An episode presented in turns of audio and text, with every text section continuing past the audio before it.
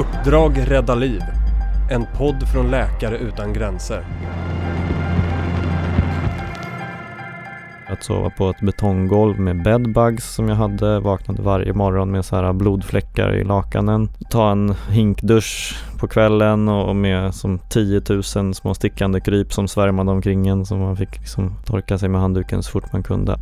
Ludvig Bolinder är läkare. Han åkte till Kongo-Kinshasa under sitt första uppdrag för Läkare utan gränser och där bekämpade han ett mässlingsutbrott på en väldigt avlägsen plats där det knappt finns bilvägar, internetuppkoppling eller sjukvård i Bolumba. Jag heter Sonja Leister och jobbar på Läkare utan gränsers kontor här i Sverige. Snart ska jag prata mer med Ludvig om Kongo-Kinshasa, kontrollbehov och kackerlackor.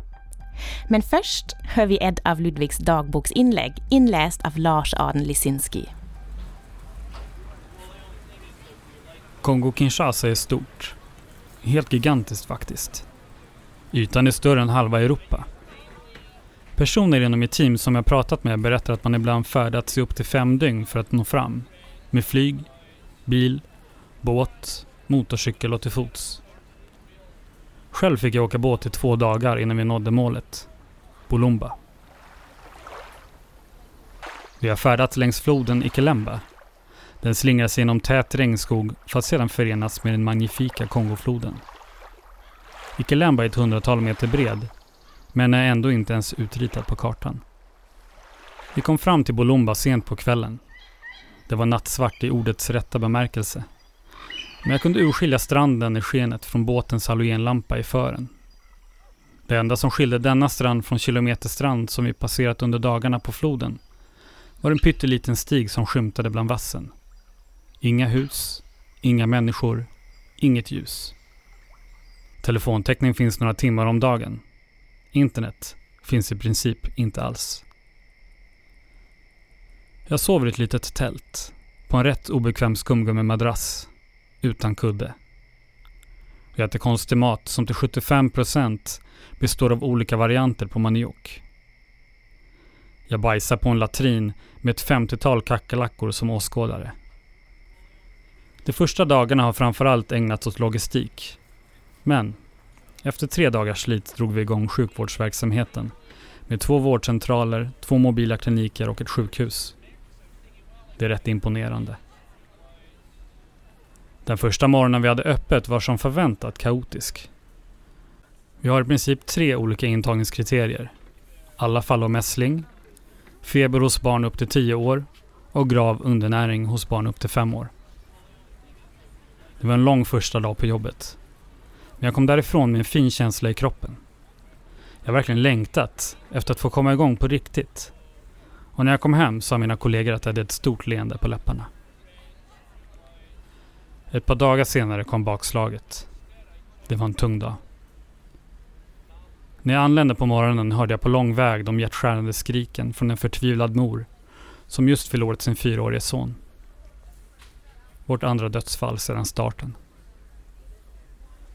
Jag hade skött mycket av pojkens vård och var i högsta grad ansvarig för honom. Jag frågade mig såklart om jag kunde gjort något annorlunda. Och jag frågade mig om pojken hade överlevt på ett sjukhus i Sverige. Förmodligen är svaret ja. Det känns tyngre än det kanske borde. Men jag tröstar mig genom att försöka se alla de vi räddar istället. Och de är många, många fler.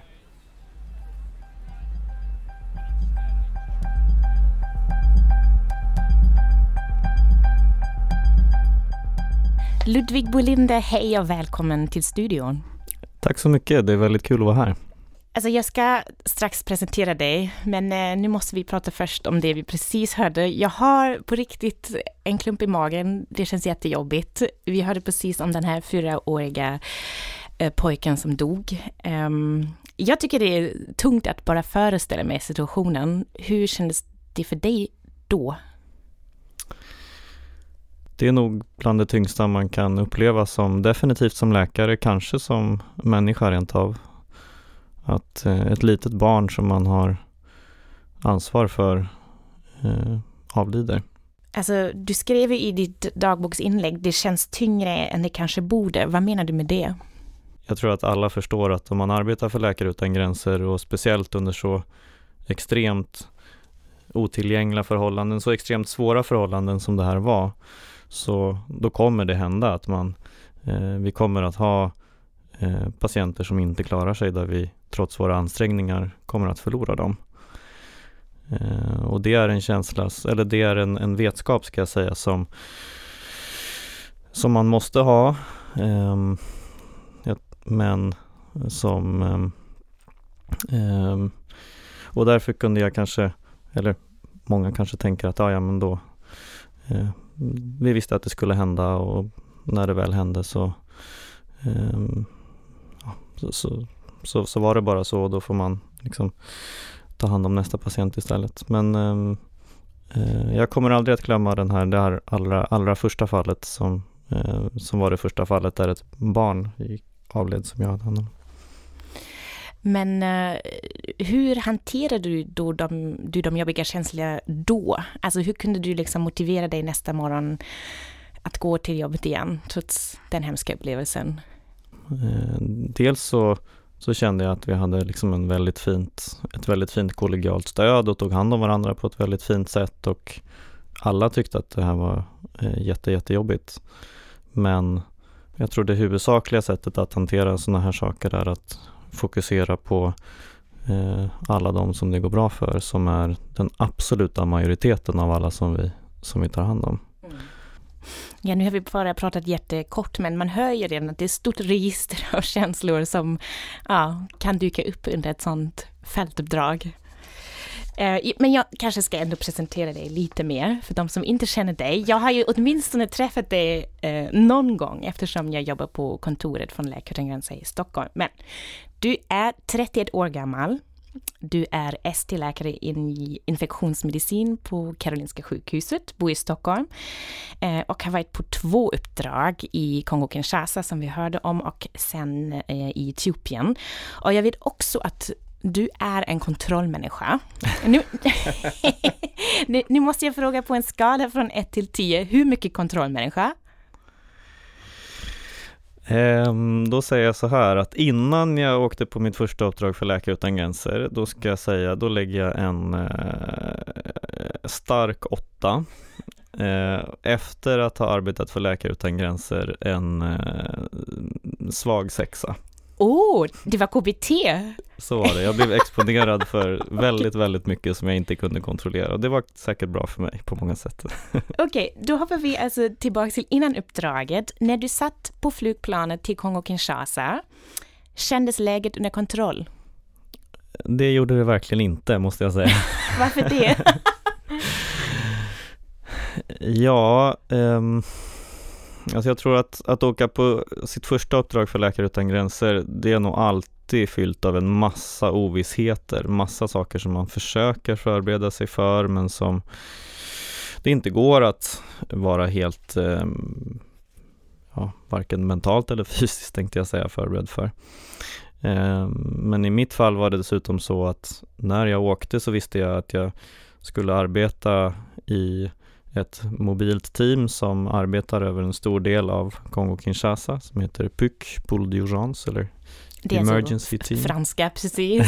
Någon form av, vad säger vi, akut eh, team som vi har i Kongo-Kinshasa. För Just att rycka det. ut när det kommer sjukdomsutbrott. Som, typ. är, som är baserat i Kinshasa men som arbetar för gentemot nästan hela landet utifrån ja, sjukdomsutbrott. Eh, och så jag visste att jag skulle åka till Kinshasa, att jag skulle ingå i det här teamet men, men eh, till vilket så att säga sjukdomsutbrott eller vilken ens del av landet jag skulle arbeta i visste jag egentligen inte när jag åkte. När fick du veta det? Vart du skulle exakt? Det fick jag veta när jag hade varit i Kinshasa några dagar egentligen. Alltså, det är säkert många som lyssnar som inte har jobbat i Kongo-Kinshasa. Ehm, det är ju ett land som har en lång historia av krig, av väpnade konflikter. Eh, så många som 4,5 miljoner är enligt UNHCR internflyktingar. Ehm, det är ett av världens fattigaste länder faktiskt. Det är dålig infrastruktur, det finns knappt sjukvård på många ställen och precis ett sånt ställe var jag sedan Bolumba, eh, den staden som du åkte till. Kan du, kan du förklara, um, du satt på den här båten i två dygn eh, på floden som vi hörde. Vad tänkte du då? Man har mycket tid att tänka då. Det har man. Jag kommer ihåg eh, att jag flera gånger bara liksom vände blicken upp mot himlen och, tittade upp i, i det blå och bara nöp mig själv och undrade hur hamnade jag här? Eh, det var eh, Jo, det var en overklighetskänsla, det måste jag säga. Men kan du beskriva, vad, vad gjorde ni egentligen i Bolomba? Vad var insatsen? I Bolomba så eh, arbetade vi med ett mässlingsutbrott. Eh, när jag var där, som var nu ganska precis ett år sedan, så pågick det ett, ett nästan ett nationellt mässlingsutbrott kan man säga. Eh, det vill säga större delen av landet var drabbat av eh, mässling med Alltså många fall samtidigt helt enkelt? Många, många fall på, mm. som var utspridda över ganska stora, eh, över stora ytor.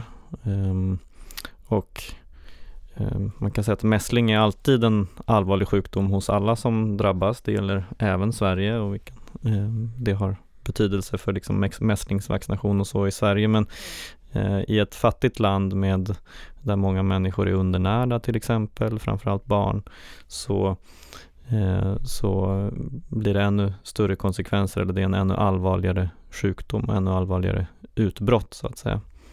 Ja, alltså ganska krasst sagt, det är många som dör i ett land som Kongo-Kinshasa när det pågår ett mässlingsutbrott. Ja, så är det. Så är mm. det. Det, var, det var en hög dödlighet i det här utbrottet och eh, då um, var det här eh, det, det fanns förstås inom landet, eh, fanns det förstås, även om det pågick nästan hela landet så fanns det områden där det fanns, eh, där det var några få fall som kanske, och dessutom kanske hade något sånär fungerande sjukvårdsinfrastruktur men det fanns också områden som Bolomba som hade jättemånga fall och eh, dessutom eh, i princip ingen, inga sjukvårdsinrättningar överhuvudtaget. Eh, och därför så valde Läkare utan gränser det här som ett av eh, sina eh, ställen där man intervenerade vid just det här tillfället. Men när ni då har byggt upp allting och kan ta emot patienter, hur räddar man en patient med mässling i ett sådant område?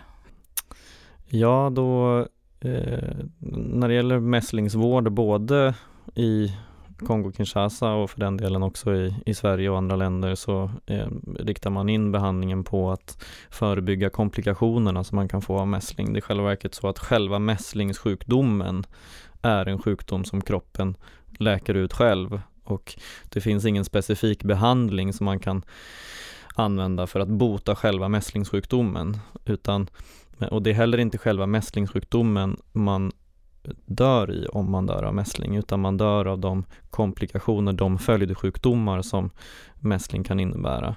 Det enskilt vanligaste, hos, särskilt hos små barn, är lunginflammation, det vill säga bakteriell lunginflammation ovanpå den här virussjukdomen mässling som man redan har. Eh, och det beror på att mässlingssjukdomen som drabbar luftvägarna eh, sätter ned kan man säga immunförsvaret lokalt. Eh, det bildas massa en massa slem och annat som bakterierna trivs i och då eh, är risken särskilt hos små barn väldigt hög att man ska, det ska bosätta sig bakterier där och orsaka bakteriella lunginflammationer. Det är ett exempel och den, det exempel som är det viktigaste att behandla. Sen måste man tänka på saker som undernäring, ehm, man måste tänka på att eh, Ehm, förebygga ögonkomplikationer som är en annan eh, vanlig orsak till att man blir, får följdsjukdomar utav mässling. Och du sa ju också att ni vaccinerade, men hur många måste man vaccinera för att stoppa ett mässlingsutbrott? När det finns antagligen inga som tidigare har sett en läkare eller kunnat gå till en vårdcentral. Vilken storleksordning pratar vi? Ja, man måste vaccinera nästan alla, helst alla och i, i sämsta fall nästan alla för att kunna stoppa ett mässlingsutbrott eftersom sjukdomen är så väldigt smittsam. Alltså också vuxna eller? Ehm, man behöver inte aktivt vaccinera de vuxna i ett sånt här område för de är redan immuna för att de hade mässling som barn, det kan man räkna med.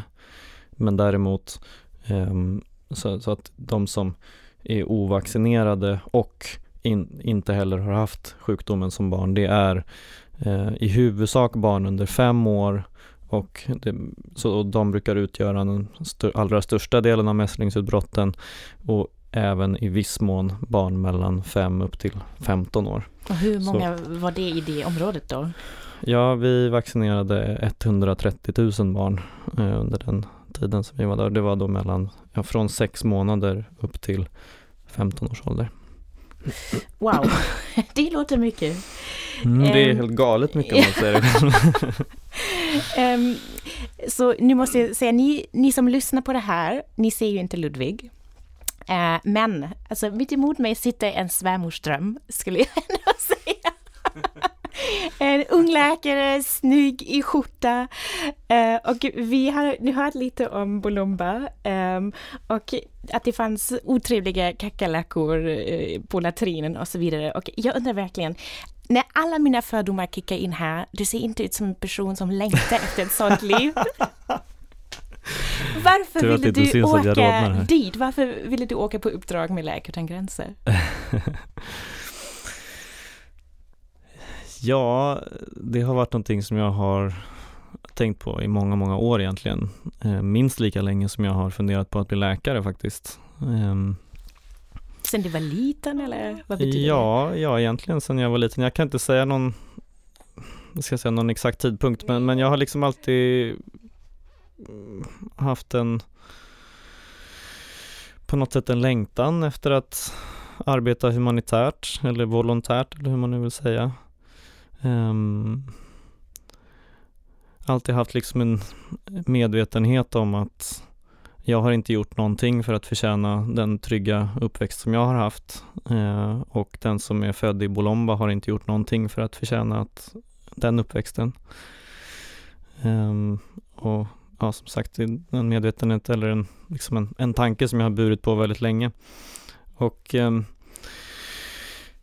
att det blev just Läkare Utan Gränser eh, Alltså jag har alltid haft en väldigt, jag vet inte riktigt varifrån den kommer, men en väldigt positiv bild av Läkare Utan Gränser och eh, jag kan säga att den bilden har besannats under tiden som jag har arbetat för den organisationen. Jag är väldigt, väldigt stolt över att ha fått, fått vara del av, av det sätt som man arbetar som är Ja, jag vet inte om det saknar motstycke egentligen eh, inom den humanitära eh, som branschen.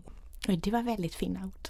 Ja, ja. det är fina ord. Kul att höra, eh, verkligen. Um, den här organisationen är inte bara väldigt engagerad i humanitära frågor utan också i ost. Um, kanske lite oväntat för många som lyssnar. Um, du, du har ju bloggat under ditt uppdrag i Bolomba och därför mm. vet jag att du tog med dig en ost till den här avlägsna platsen. Um, varför det?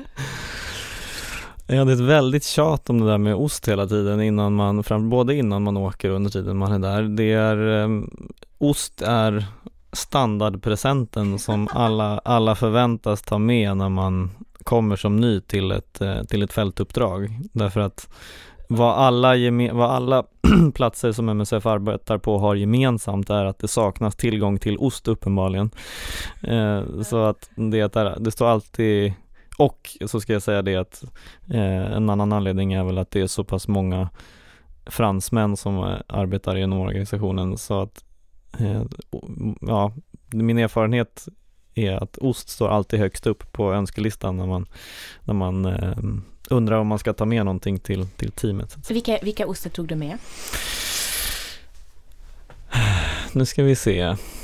Oh, det låter som en lång eh, rad. Nej men det här var inte lätt. Nu ska vi se. Jag tror att jag till Bolomba så hade jag med en, en comté-ost och en västerbottenost. Jag tycker det, det är roligt med någon svensk ost tänker ja. jag. Gå in och representera hur, lite. Hur såg västerbottenost ut efter två dagar på en båt? I ja, den fick, eh, den fick konsumeras rätt fort. Det fick den. den det, var inte, det var ingen som liksom kände någon, kände någon um, eh, längtan att spara den där i eh, 37 graders värme särskilt många dagar. Utan den fick, och vi hade ju inget kylskåp såklart. Nej, nej ja. Men det var en fin gest. Det var, ja, det var ett bra försök. eh, alltså, ja, anledningen att människor längtar så mycket efter ost när de sitter där eh, är ju, man är så långt borta från affärer, från det vanliga livet vi är van vid. Och, eh, en annan sak som var ju väldigt ovanlig där, att i princip hade, ju, hade du ju noll kontakt med omvärlden eftersom det var lite eh, problem med telefonmottagning, bara väldigt sällan internetuppkoppling om jag förstått det rätt. I vår digitala tid, hur kändes det att vara så bortkopplad? Eh, det kändes också väldigt overkligt. Ehm, jag tror att om det hade liksom brutit ut ett krig i Sverige så hade jag förmodligen inte fått veta det. Jag kände det var otroligt eh, ja, hur isolerat det var där. Efter ett tag var det någon som fick tag på någon radio eh, så man kunde få in Radio France Afrique eh, och, och få, lite, få lite nyheter åtminstone. Det, det gjorde mig gott. Den här bloggen som jag pratar om hela tiden, den hittar ni förresten på läkareutangränser.se. Där kan ni läsa mer om eh, ehm, Ludvigs uppdrag i Bolomba. Och en annan rolig sak som jag upptäckte i bloggen är att du sa, ibland önskade du att du hade en knapp för att trycka på den och genast åka tillbaka till Sverige. Hur många gånger vill du trycka på den? Jag skulle säga att varje dag hade, hade sina väldigt jobbiga stunder och sina väldigt fina stunder. Um, en berg och dalbana. Ja, det, ja, men det är en, jag skulle just säga det, det är lite av en känslomässig berg och dalbana att arbeta på det sättet. Um, och jag, jag, jag, instämmer i de som säger att det finns, um, när man pratar om, om Kongo som land, som säger att det finns ingenstans där man hör gråt som i Kongo men det finns heller ingenstans där man hör skratt som i Kongo. Det är Oj, också det min låter, erfarenhet. Det låter som skillnad till Sverige, landet ja. lagom. ja, det är också en kontrast. Men vad var det svåraste eller den största utmaningen under uppdraget? Dels fanns det ju utmaningar rent professionellt i det medicinska. Att med så väldigt lite så väldigt, väldigt lite eh, i sin arsenal, så, så väldigt lite möjligheter både till diagnostik, till utredning, till behandling, att ändå behandla väldigt svårt sjuka patienter.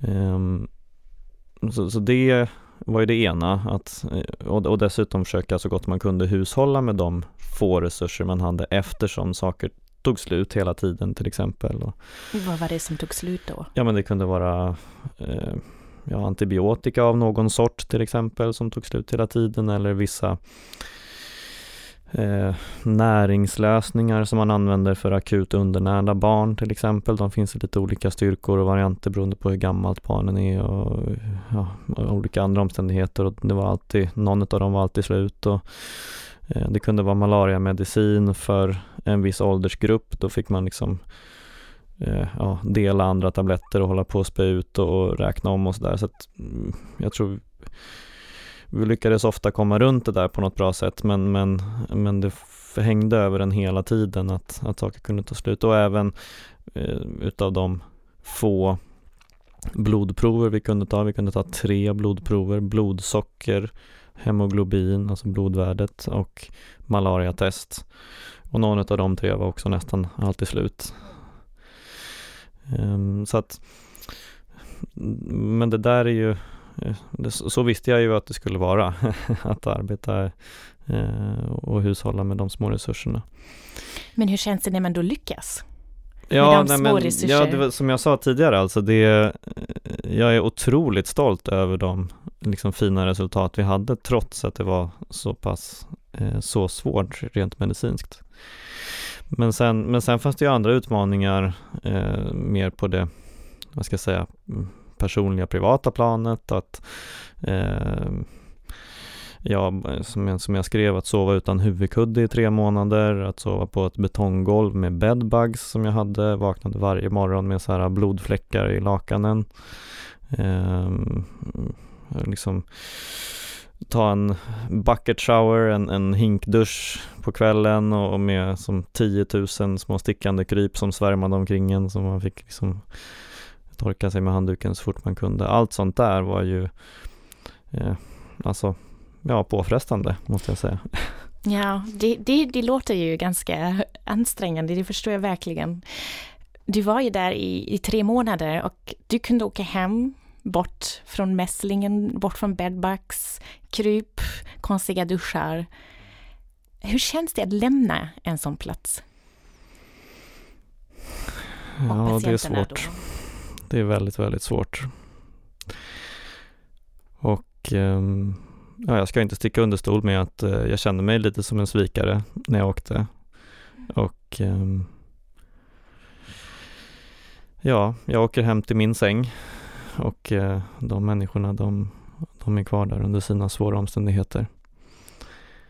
Ehm, och den eh, känslan är svår att slå sig fri ifrån. Det är, det är så orättvist att det inte går att beskriva ens. Um, det här, den här upplevelsen i Kongo-Kinshasa, har det förändrat dig som person? Ja, det har det gjort.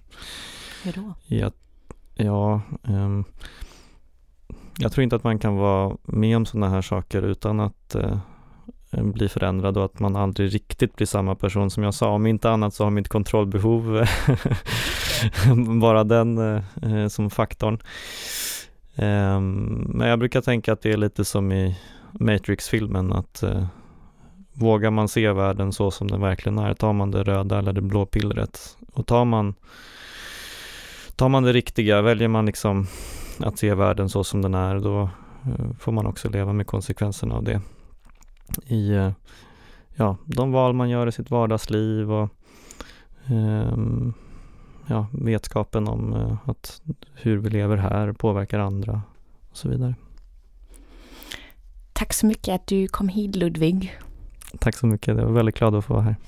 Jag heter Sonja Leister och eh, jag vill gärna veta vad du tyckte om vårt samtal. Har du frågor, har du funderingar så kan du enklast höra av dig eh, på sociala medier. Du hittar Läk utan gränser Sverige på Facebook, Instagram och Twitter.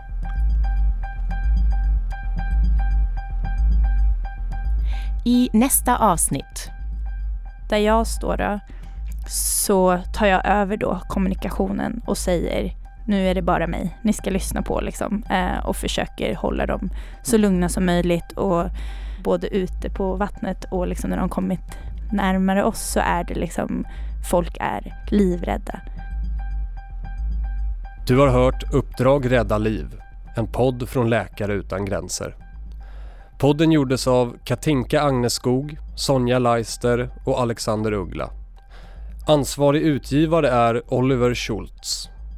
Tack till Roll the Dice och Peder Mannefelt för musik och lån av studio. Tack också till Lars Aden Lisinski som läste in Ludvigs dagboksinlägg. Vill du höra fler avsnitt? Du hittar dem där poddar finns.